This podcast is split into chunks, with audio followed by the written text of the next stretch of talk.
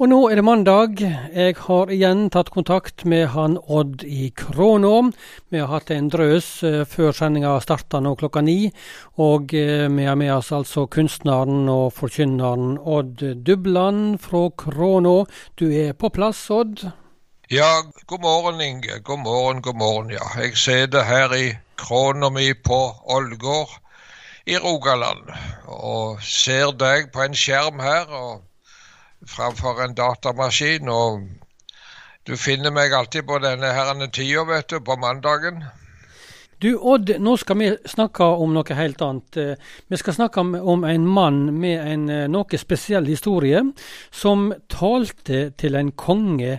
Og denne kongen han lot seg nesten overtale av det han hørte etter hvert eh, i denne talen. Odd, vi skal snakke om eh, apostelen Paulus, som vi leser om i Bibelen. Ja, han, eh, la oss si bitte grann om apostelen Paulus først. For det er mange kanskje som ikke engang vet hvem han var, av de som hører på radioen. Han var jo en jødisk skriftlærd, en såkalt fariseer, og var meget streng på å holde loven og de forordningene som det står om i Mosebøkene i Bibelen. Og han var på samme tid som Jesus, faktisk alt. Og han var veldig ivrig for dette med loven. Men så, så, så sa han noe en gang som var så merkelig. Jeg skal ta det litt eh, kronologisk her, altså. Og så sa han det Jeg skulle ønske det at alle var slik som meg. Jaså, sa han det? Ja, ja, det sa han. Hva mente han med det, tror du? Men det hadde skjedd mye i livet hans. Og hvis f.eks. en person i dag hadde stått fram og så sagt eh, noe slikt at uh, Hvis han hadde sagt ja, jeg skulle ønske at alle var slik som meg. Ja, da ville vi kanskje tenkt det at uh, ja, da måtte det vært en mann med et veldig lykkelig ekteskap, med veloppdregne og gilde bodden en god økonomi, et meningsfullt arbeid, ei god helse, og var respektert og godt likt. Og vi kunne sikkert regne opp mer av gode ting. Så kanskje en kunne tenke som så, slik en person kunne stått fram og sagt jeg skulle ønske at alle var slik som meg. Men eh, det er bare det at slike folk fins ikke. Det er ingen som har bare lykke. Det er ingen som har det bare godt. Uh, der står i en gammel salme alle har sitt, stort eller litt. Himmelen alene for sorgen er kvitt. Men det var altså Paulus som sa det en gang. Og på bakgrunn av Det som var bakgrunnen for det, skal jeg si litt om her. Ja, Hva var, Paulus, bakgrunnen? Hva var bakgrunnen for dette her? Ja, Paulus han eh, skulle eh, forsvare seg innenfor en konge som heter eh, Agrippa. Og det skjedde nede i en by med Middelhavet som heter Cesarea. Og eh, kong Agrippa han hadde lyst til å vite hvem denne Paulus var. Og en dag, en ser det for meg en formiddag, så kommer kong Agrippa og søstera hans, ei som heter Berenike. De kommer inn i en fin, stor hall.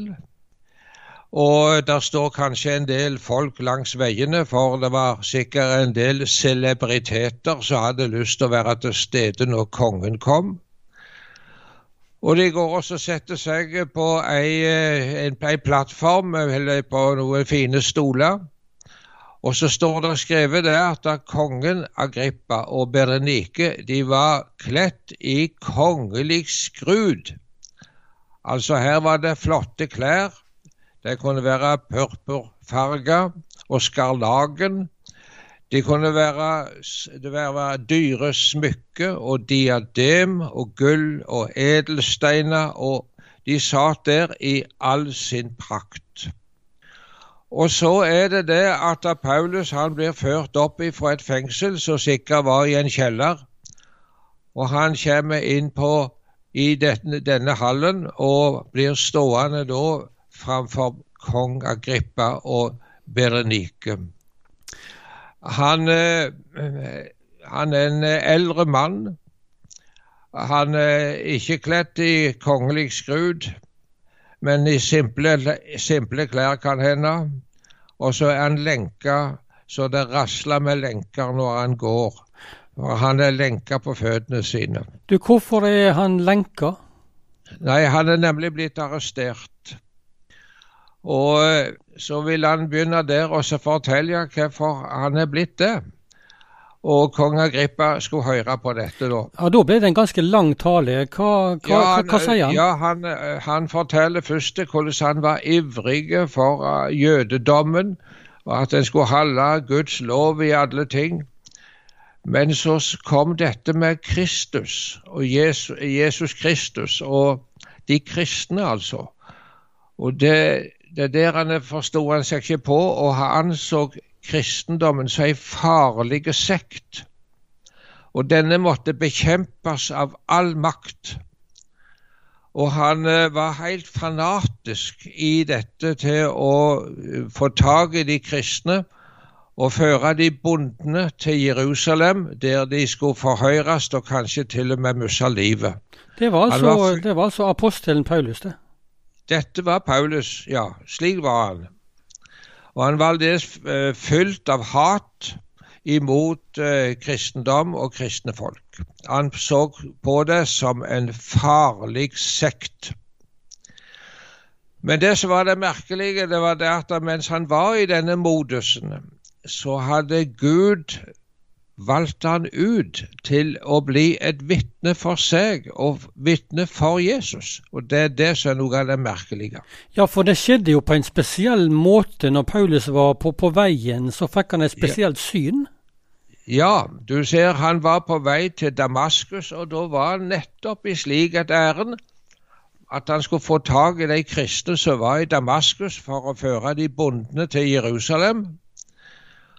Og der på veien er det der skjer noe merkelig. Altså, det kommer et kraftig lys, og de faller til jorda, de som var med. Og Paulus, eh, altså Vi sier Paulus og Saul her. altså Saul det var det hebraiske navnet, og Paulus var det greske navnet. På samme mann. Og plutselig lyder det ei røst, ei klar røst ifra himmelen. Saul, Saul, Hvorfor forfølger du meg? Saul, Saul, hvorfor forfølger du meg? Og Paulus han ligger der på marsja, og han sier slik Hvem er du, Herre? Hvem er du? Han visste ikke hvem det var. Og så sier Jesus til han, det er Jesus, han som du forfølger. Og det som skjedde der da, det var det at hele eh, oppfatningene som Paulus hadde hatt, det ramla sammen aldeles. Og han, eh, ifra det øyeblikk så ble han en Jesu Kristi venn og etterfølger, og ble en helt ny mann. Og ble istedenfor hat imot de kristne, så ble han fylt av kjærlighet imot alle kristne og imot alle mennesker. Han ble en helt ny mann. Det var liksom Gud brøt seg inn i livet hans på en måte, du Inge. Ja, det gjorde han, og dette var jo veldig, veldig radikalt. Ja, og dette det står altså Paulus og forteller til kong Agrippa hvordan han har møtt Jesus, og hvordan han er blitt en ny mann. Og han eh, står der i sine fangeklær, har han nær sagt, og kong Agrippa og Berenike, jeg ser de liksom for meg, de det der i all sin prakt. Og så er det så de siger sammen i stolene sine, for de har møtt en overmann som står der på gulvet. Denne fangen er blitt deres overmann. Hvordan eh, reagerer da kong Agrippa på denne talen til Paulus, der han forteller om, om livet sitt?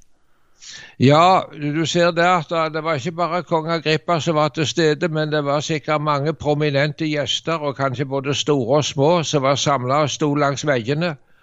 Og de fikk oppleve en myndig tale, et veldig sterkt vitnesbyrd alle sammen fikk høre det. Og det gjorde slik et inntrykk på kong Agrippa at han sa det. Det mangla lite på at du får overtalt meg til å bli en kristen. Slik et inntrykk gjorde det. Men du ser det, Inge, jeg tror nok det at det er de som tenker slik òg i dag av og til i livet. Det mangler i grunnen lite på at de ville bli kristne. Jo, en skulle vært det, er det mange som tenker. Men så mangler det noe allikevel, og da hjelper det ikke om det er mye eller lite hvis det mangler. Nesten en kristen, det hjelper oss ingenting. Men det var et sterkt vitnesbyrd for kong Agrippa, og uh, han sier det til slutt at Paulus han burde vært sett fri, men Paulus hadde, hadde appellert eller anker sin sak like innenfor keiseren i Rom. Der måtte han reise og forsvare sin sak innenfor den keiserlige domstol. Og til slutt så ble han dømt som eh, majestetsforbryter og døde som martyr. Men det var der fram på gulvet framfor kong Agrippa at Paulus sa jeg skulle ønske at alle var slik som meg. Han var en fri mann der han sto som fange. Ja, Hva mente han da med disse ordene, at han skulle ønske at alle var sånn som meg? Jo, at de hadde blitt kristne folk. At de hadde tatt imot Kristus. Og jeg skal ta med en ting til slutt. En del år siden nå. Jeg eh, reiste inn på sykehuset i Stavanger for å se om en mann som lå der, han var ingen gammel mann, men hadde hatt kanskje et vanskelig liv. Men han var en kristen mann. Og nå lå han på slutten av livet, og han levde bare to-tre dager etterpå jeg hadde vært der. Og når jeg satt der med senga, så, så sier han det til meg. Odd, sa han, jeg har det så godt. Tenk, jeg er frelst, sa han. Tenk det, Inge. Framføre dødens port og sier det. Tenk, jeg har det så godt. Og Jeg husker når jeg gikk ut fra sykehuset den gangen, så tenkte jeg med meg at jeg kunne tenkt meg, jeg òg, også fått avslutta livet på samme vis. Og kunne si det at jeg har det så godt, at jeg er et frelst menneske. Det var de tankene som jeg hadde fra krona mi her på Ålgård i dag.